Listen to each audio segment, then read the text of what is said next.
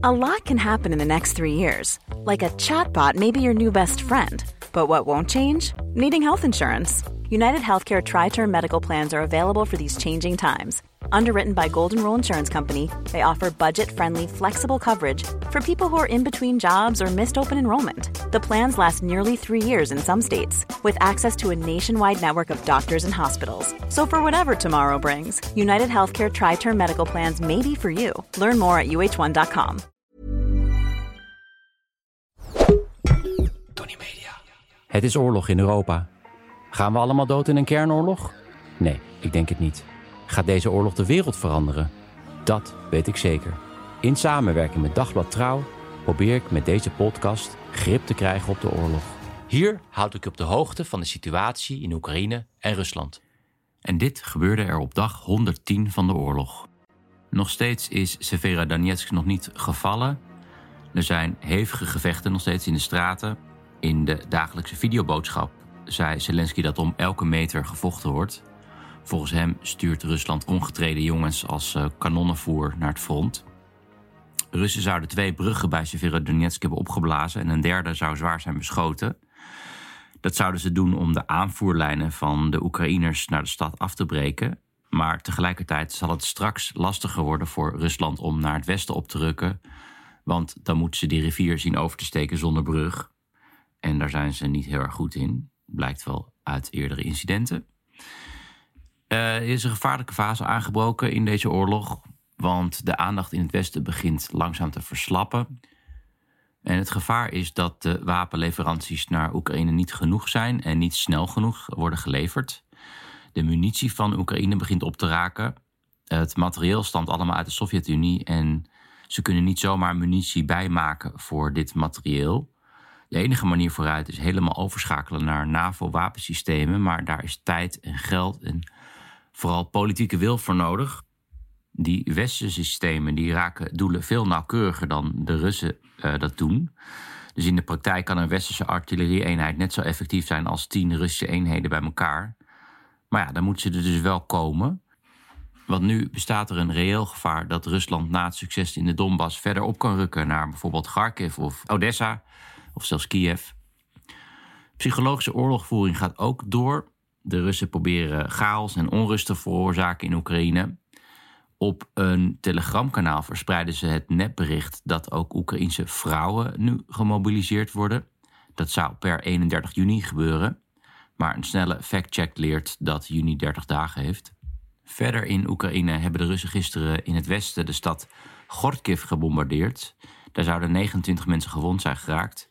Doel van het bombardement waren westerse wapensystemen die onderweg waren naar het front volgens de Russen in ieder geval. Het is niet duidelijk of die ook geraakt zijn. Het is waarschijnlijk een aanslag geweest met een kruisraket. Volgens Zelensky uh, is sinds het begin van de oorlog uh, hebben de Russen al 2600 van deze raketten op Oekraïne gegooid. Zelensky vroeg gisteren om raketafweersystemen in zijn videoboodschap. Verder gaat er een partisanenoorlog verder in door Russen bezet gebied. In de havenstad Berdjansk en in Melitopol werden aanslagen gemeld. Die aanslagen kunnen trouwens even goed door Rusland zijn georchestreerd om vervolgens het gebied onder het mom van bescherming van de bevolking bij Rusland in te lijven door annexatie. Intussen steeds meer verhalen uh, komen naar buiten over zogenaamde filtratiekampen, waar Oekraïners in terechtkomen voordat ze naar Rusland worden gedeporteerd. In Trouw vandaag een interview met, met een ooggetuige uit een uh, filtratiekamp. Die vertelt onder meer dat Oekraïners in het openbaar in elkaar worden geslagen om anderen te intimideren. Zoals altijd een link naar het artikel in de show notes. Gaan we door naar de Russische media. De Russische media zijn voor Russen zelf steeds moeilijker te bereiken. Sinds de invasie is het al noodzakelijk om een VPN-verbinding te hebben om sommige nieuwsites te raadplegen. Russen hebben massaal VPN-verbindingen geïnstalleerd. Naar schatting 30% van de bevolking beschikt over een VPN-verbinding. Laat ook maar weer eens zien dat niet alle Russen als zombies achter de televisie zitten. En elke dag komen er 300.000 nieuwe gebruikers bij. Kennelijk maakt Kremlin zich hier zorgen over. Want afgelopen week zijn zeker negen VPN-providers geblokkeerd, waaronder Nord en Proton Proton wordt ook veel door Russen gebruikt voor hun, voor hun veilige mailprogramma Proton Mail. Maar goed, Kremlin doet er dus alles aan om de bevolking te laten kijken door ja, de Kremlinbril. Zo ook op de dag van Rusland, die elk jaar op 12 juni wordt gevierd. Op die dag in 1992 werd Rusland een soeverein land en kwam los van de Sovjet-Unie. Tot een paar jaar geleden was deze dag bij de meeste Russen helemaal niet bekend. In tegenstelling tot andere landen in die voormalige Sovjet-Unie, die jarenlang verlangden naar onafhankelijkheid, heeft Rusland dat met lichte tegenzin gedaan.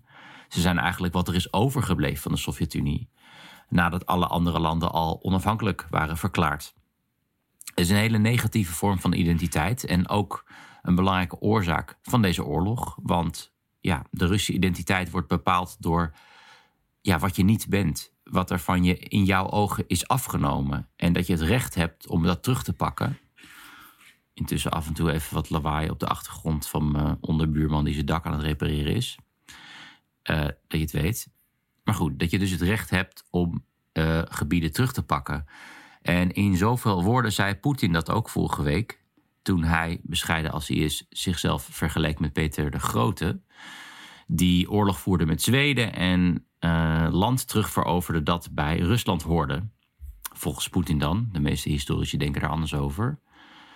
En Poetin zei: Nu is het onze beurt om ons land terug te veroveren. Daarmee bedoelt hij dus het soevereine land Oekraïne. In ieder geval wint hij er nu geen doekjes om. Hopelijk zijn we nu verlost van al die andere smoesjes, zoals de uitbreiding van de NAVO of dat er Oekraïners naties zijn.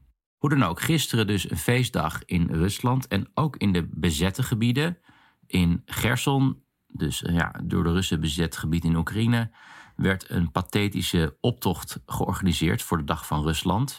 Er kwamen, surprise, surprise, maar enkele tientallen mensen op af. Maar op de Russische televisie zag je daar natuurlijk niks van terug. Wel op de Russische televisie een massale flashmob van medewerkers van Simaland, een online retailer in Jekaterinburg. Dit is dus weer in Rusland. Tenminste, de media noemen het een flashmob en doen geloven dat het om een spontane actie gaat. Waarschijnlijker is het dat werknemers van dat bedrijf bij elkaar zijn gedreven. Hoe dan ook, dit zijn beelden die recht uit Noord-Korea konden komen. Dus echt hele sneuwe beelden van duizenden mensen die simultaan dezelfde domme bewegingen maken. Terwijl ze vrij fantasieloos roepen: trots om Russisch te zijn, trots op ons leger, trots op ons president, voor het leger, voor Poetin. Nou, fantastische copywriter was dit. Eerder dit jaar waren medewerkers van het bedrijf ook al opgetrommeld om in de sneeuw te gaan staan om de letters te vormen van de zin Poetin is onze president. Ook al zo briljant. De oppositiepoliticus Ilya Yashin die schreef een tweet die duizenden keren geliked is. Naar aanleiding van deze dag van Rusland. Hij schreef: Ik hou van Rusland. Ik wil dat Rusland vriendelijk wordt en open staat voor de wereld. En dat het land in plaats van andermans territorium te veroveren, zijn eigen territorium ontwikkelt. Zodat ze mensenlevens van Russische soldaten niet vermaalt omwille van grote doelen. En zodat de mensen hier gelukkig en vrij kunnen leven. Nou, ik hoop het ook, Ilja. Oké, en dan nog dit. Ik heb Russisch geleerd aan de Moskouse Staatsuniversiteit. Die huist in een van de zogenaamde zeven zusters van Stalin. Zeven wolkenkrabbers die uh, Stalin in Moskou neerzetten in de jaren dertig. Om te, een beetje te kunnen wedijveren met New York. En in die staatsuniversiteit raakte ik bekend met het fenomeen Stalovaja. Wat een woord is voor, ja, je zou het kunnen zeggen, een, uh, een Russische kantine. Een term die vaak naar boven komt als Russen denken aan de Sovjet-tijd. Het eten in een Stalovaja is heel goedkoop, maar ook heel erg matig. Meestal bijvoorbeeld veel te lang gekookte boekwijd en patat die al een halve dag oud is. En ook vaak een soort schnitzels waarvan ik soms kon dat het gepaneerde washandjes waren. Zo smaakten ze in ieder geval. Opgeschept door mensen die je een hele vuile blik geven. Als ze al bereid zijn je op te scheppen. En dat moet je dan vervolgens opeten met bestek gemaakt van aluminium. Wat je heel makkelijk kan buigen. Vooral als je een washandje moet proberen op te eten. In de show notes zet ik een filmpje en daar zie je mij en Olaf Koens dit demonstreren in een Stalovaja. Lang geleden nog, toen we daar allebei nog woonden. En dachten dat uh, het nog uh, mooi ging worden, Rusland. Uh, die miserabele Stalovaja's zijn een verklaring voor het enorme succes van de McDonald's. Want het eten is misschien wel ongezond, maar dat ziet er wel gezellig uit. En de bediening is vriendelijk, voor Russische begrippen dan. En de toiletten zijn schoon, opnieuw, volgens Russische begrippen. En na de invasie sloot McDonald's 800 vestigingen in Rusland. En onlangs werd duidelijk dat ze helemaal zouden vertrekken uit Rusland. En gisteren, juist dus op die dag van Rusland, gingen voormalige McDonald's in Moskou open met een Russische formule. De hele pers was uitgerukt. Werd groot op tv uh, uitgezonden. Ja, het is eigenlijk een soort van bijna kopie van McDonald's. Aanvankelijk zou het toch nog een ja, soort van Russisch tintje krijgen. In de eerste maand van de invasie was de naam Djadja geregistreerd, oom Vanya. Maar last minute is de naam veranderd in Vkusnatochka, wat letterlijk uh, smakelijk punt betekent, maar je kan beter vertalen als smakelijk punt uit. Daar klinkt toch een beetje dat directieve doorheen van de Stalovoja's van vroeger. Zo van, dit is lekker en er wordt niet verder over gediscussieerd, punt uit. Gezellig. Uh, in ieder geval in de rij voor de smakelijk punt uit deed een man een huwelijksaanzoek aan zijn vriendin. Dat meldt de site Medusa. Super romantisch natuurlijk, in de rij voor fastfood. Misschien zei hij wel, we gaan trouwen, punt uit. Het zal wel mooi zijn geweest. Uh, ja, hoe hij zijn aanzoek deed is niet bekend. Wel dat hij opmerkte dat hij zich zorgen maakte, want het was de derde keer dat hij ging trouwen. Ook beloofde hij iedereen in de rij op een Big Mac te trakteren. Maar eenmaal binnen bleek de Big Mac van het menu te zijn gehaald. Een man protesteerde daartegen met een bordje waarop stond: Breng de Big Mac weer terug. Nou, dat was best gemoedelijk, maar de man werd voor de zekerheid gearresteerd. Want ja, bij twijfel altijd arresteren natuurlijk in Rusland. Een veel gedeelde observatie op de telegramkanalen was dat de typografie en het kleurenschema uh, ja, van de menus bijna één op één is met dat van de populaire pornosite Pornhub. Tijd om de bakjes mayo te vervangen door patriotische Russische kuipjes mayo was er niet. Dus had het management, en ik maak geen grap, alle M-logo's op elk ja, bakje met een permanent marker doorgekrast. Iemand was ook begonnen met het wegschuren van het logo van de M's op de dienbladen. Maar dat duurde te lang. Volgens Medusa duurde het wegschuren van 12 dienbladen 8 uur. Dat is anderhalf dienblad per uur dus. Nou, dat noem ik gewoon lui. Punt uit. Op de beker en op de patat, ja, het patatbakje stond niks. Gewoon witte bekers, witte bakjes. Dat was misschien een bewuste keuze, maar misschien komt dat ook door een tekort aan verf, door sancties. In supermarkten in Rusland duiken steeds meer producten op met een witte zijkant zonder afbeelding of tekst. Iemand merkte op dat de wc's op dag 1 alweer heel goor waren. We zijn weer terug in de Sovjet-Unie, stond eronder. Kennelijk kan je niet zomaar McDonald's kopiëren. Het laat de hele complexe relatie van Rusland met het Westen zien. Want aan de ene kant voelen ze zich beter dan het verdorven en decadente Westen. Maar aan de andere kant, dit ultieme symbool van het Westen is juist iets waar elke Rus naar verlangt. Daarom ook die opening op de dag van Rusland. Maar ja, ze drijven steeds meer weg van het Westen. En in het beste geval, als Rusland niet in elkaar dondert, gaat alles weer richting die Sovjet-Unie. Iets wat voor de jonge generatie onbegrijpelijk en hopelijk ook onacceptabel is. Dat was het voor nu. Nog een nieuwtje. Vanaf 21 juni wordt mijn serie Grensland herhaald op de tv. Acht weken lang, elke dinsdag rond 11 uur s avonds op NPO 2. Ik heb het wel vaker gehad over die serie hier. Ik heb die serie gemaakt naar aanleiding van de annexatie van de Krim door Rusland. En ik ben heel blij dat die weer wordt uitgezonden. En ik denk ook dat het heel relevant is. Ik ben er weer donderdag. Tot dan.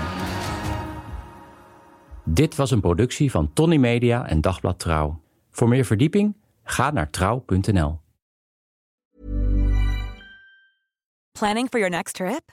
Elevate your travel style with Quince. Quince has all the jet-setting essentials you'll want for your next getaway, like European linen, premium luggage options, buttery soft Italian leather bags, and so much more. And is all priced at 50 to 80% less than similar brands. Plus, Quince only works with factories that use safe and ethical manufacturing practices. Pack your bags with high-quality essentials you'll be wearing for vacations to come with Quince. Go to quince.com slash pack for free shipping and 365-day returns.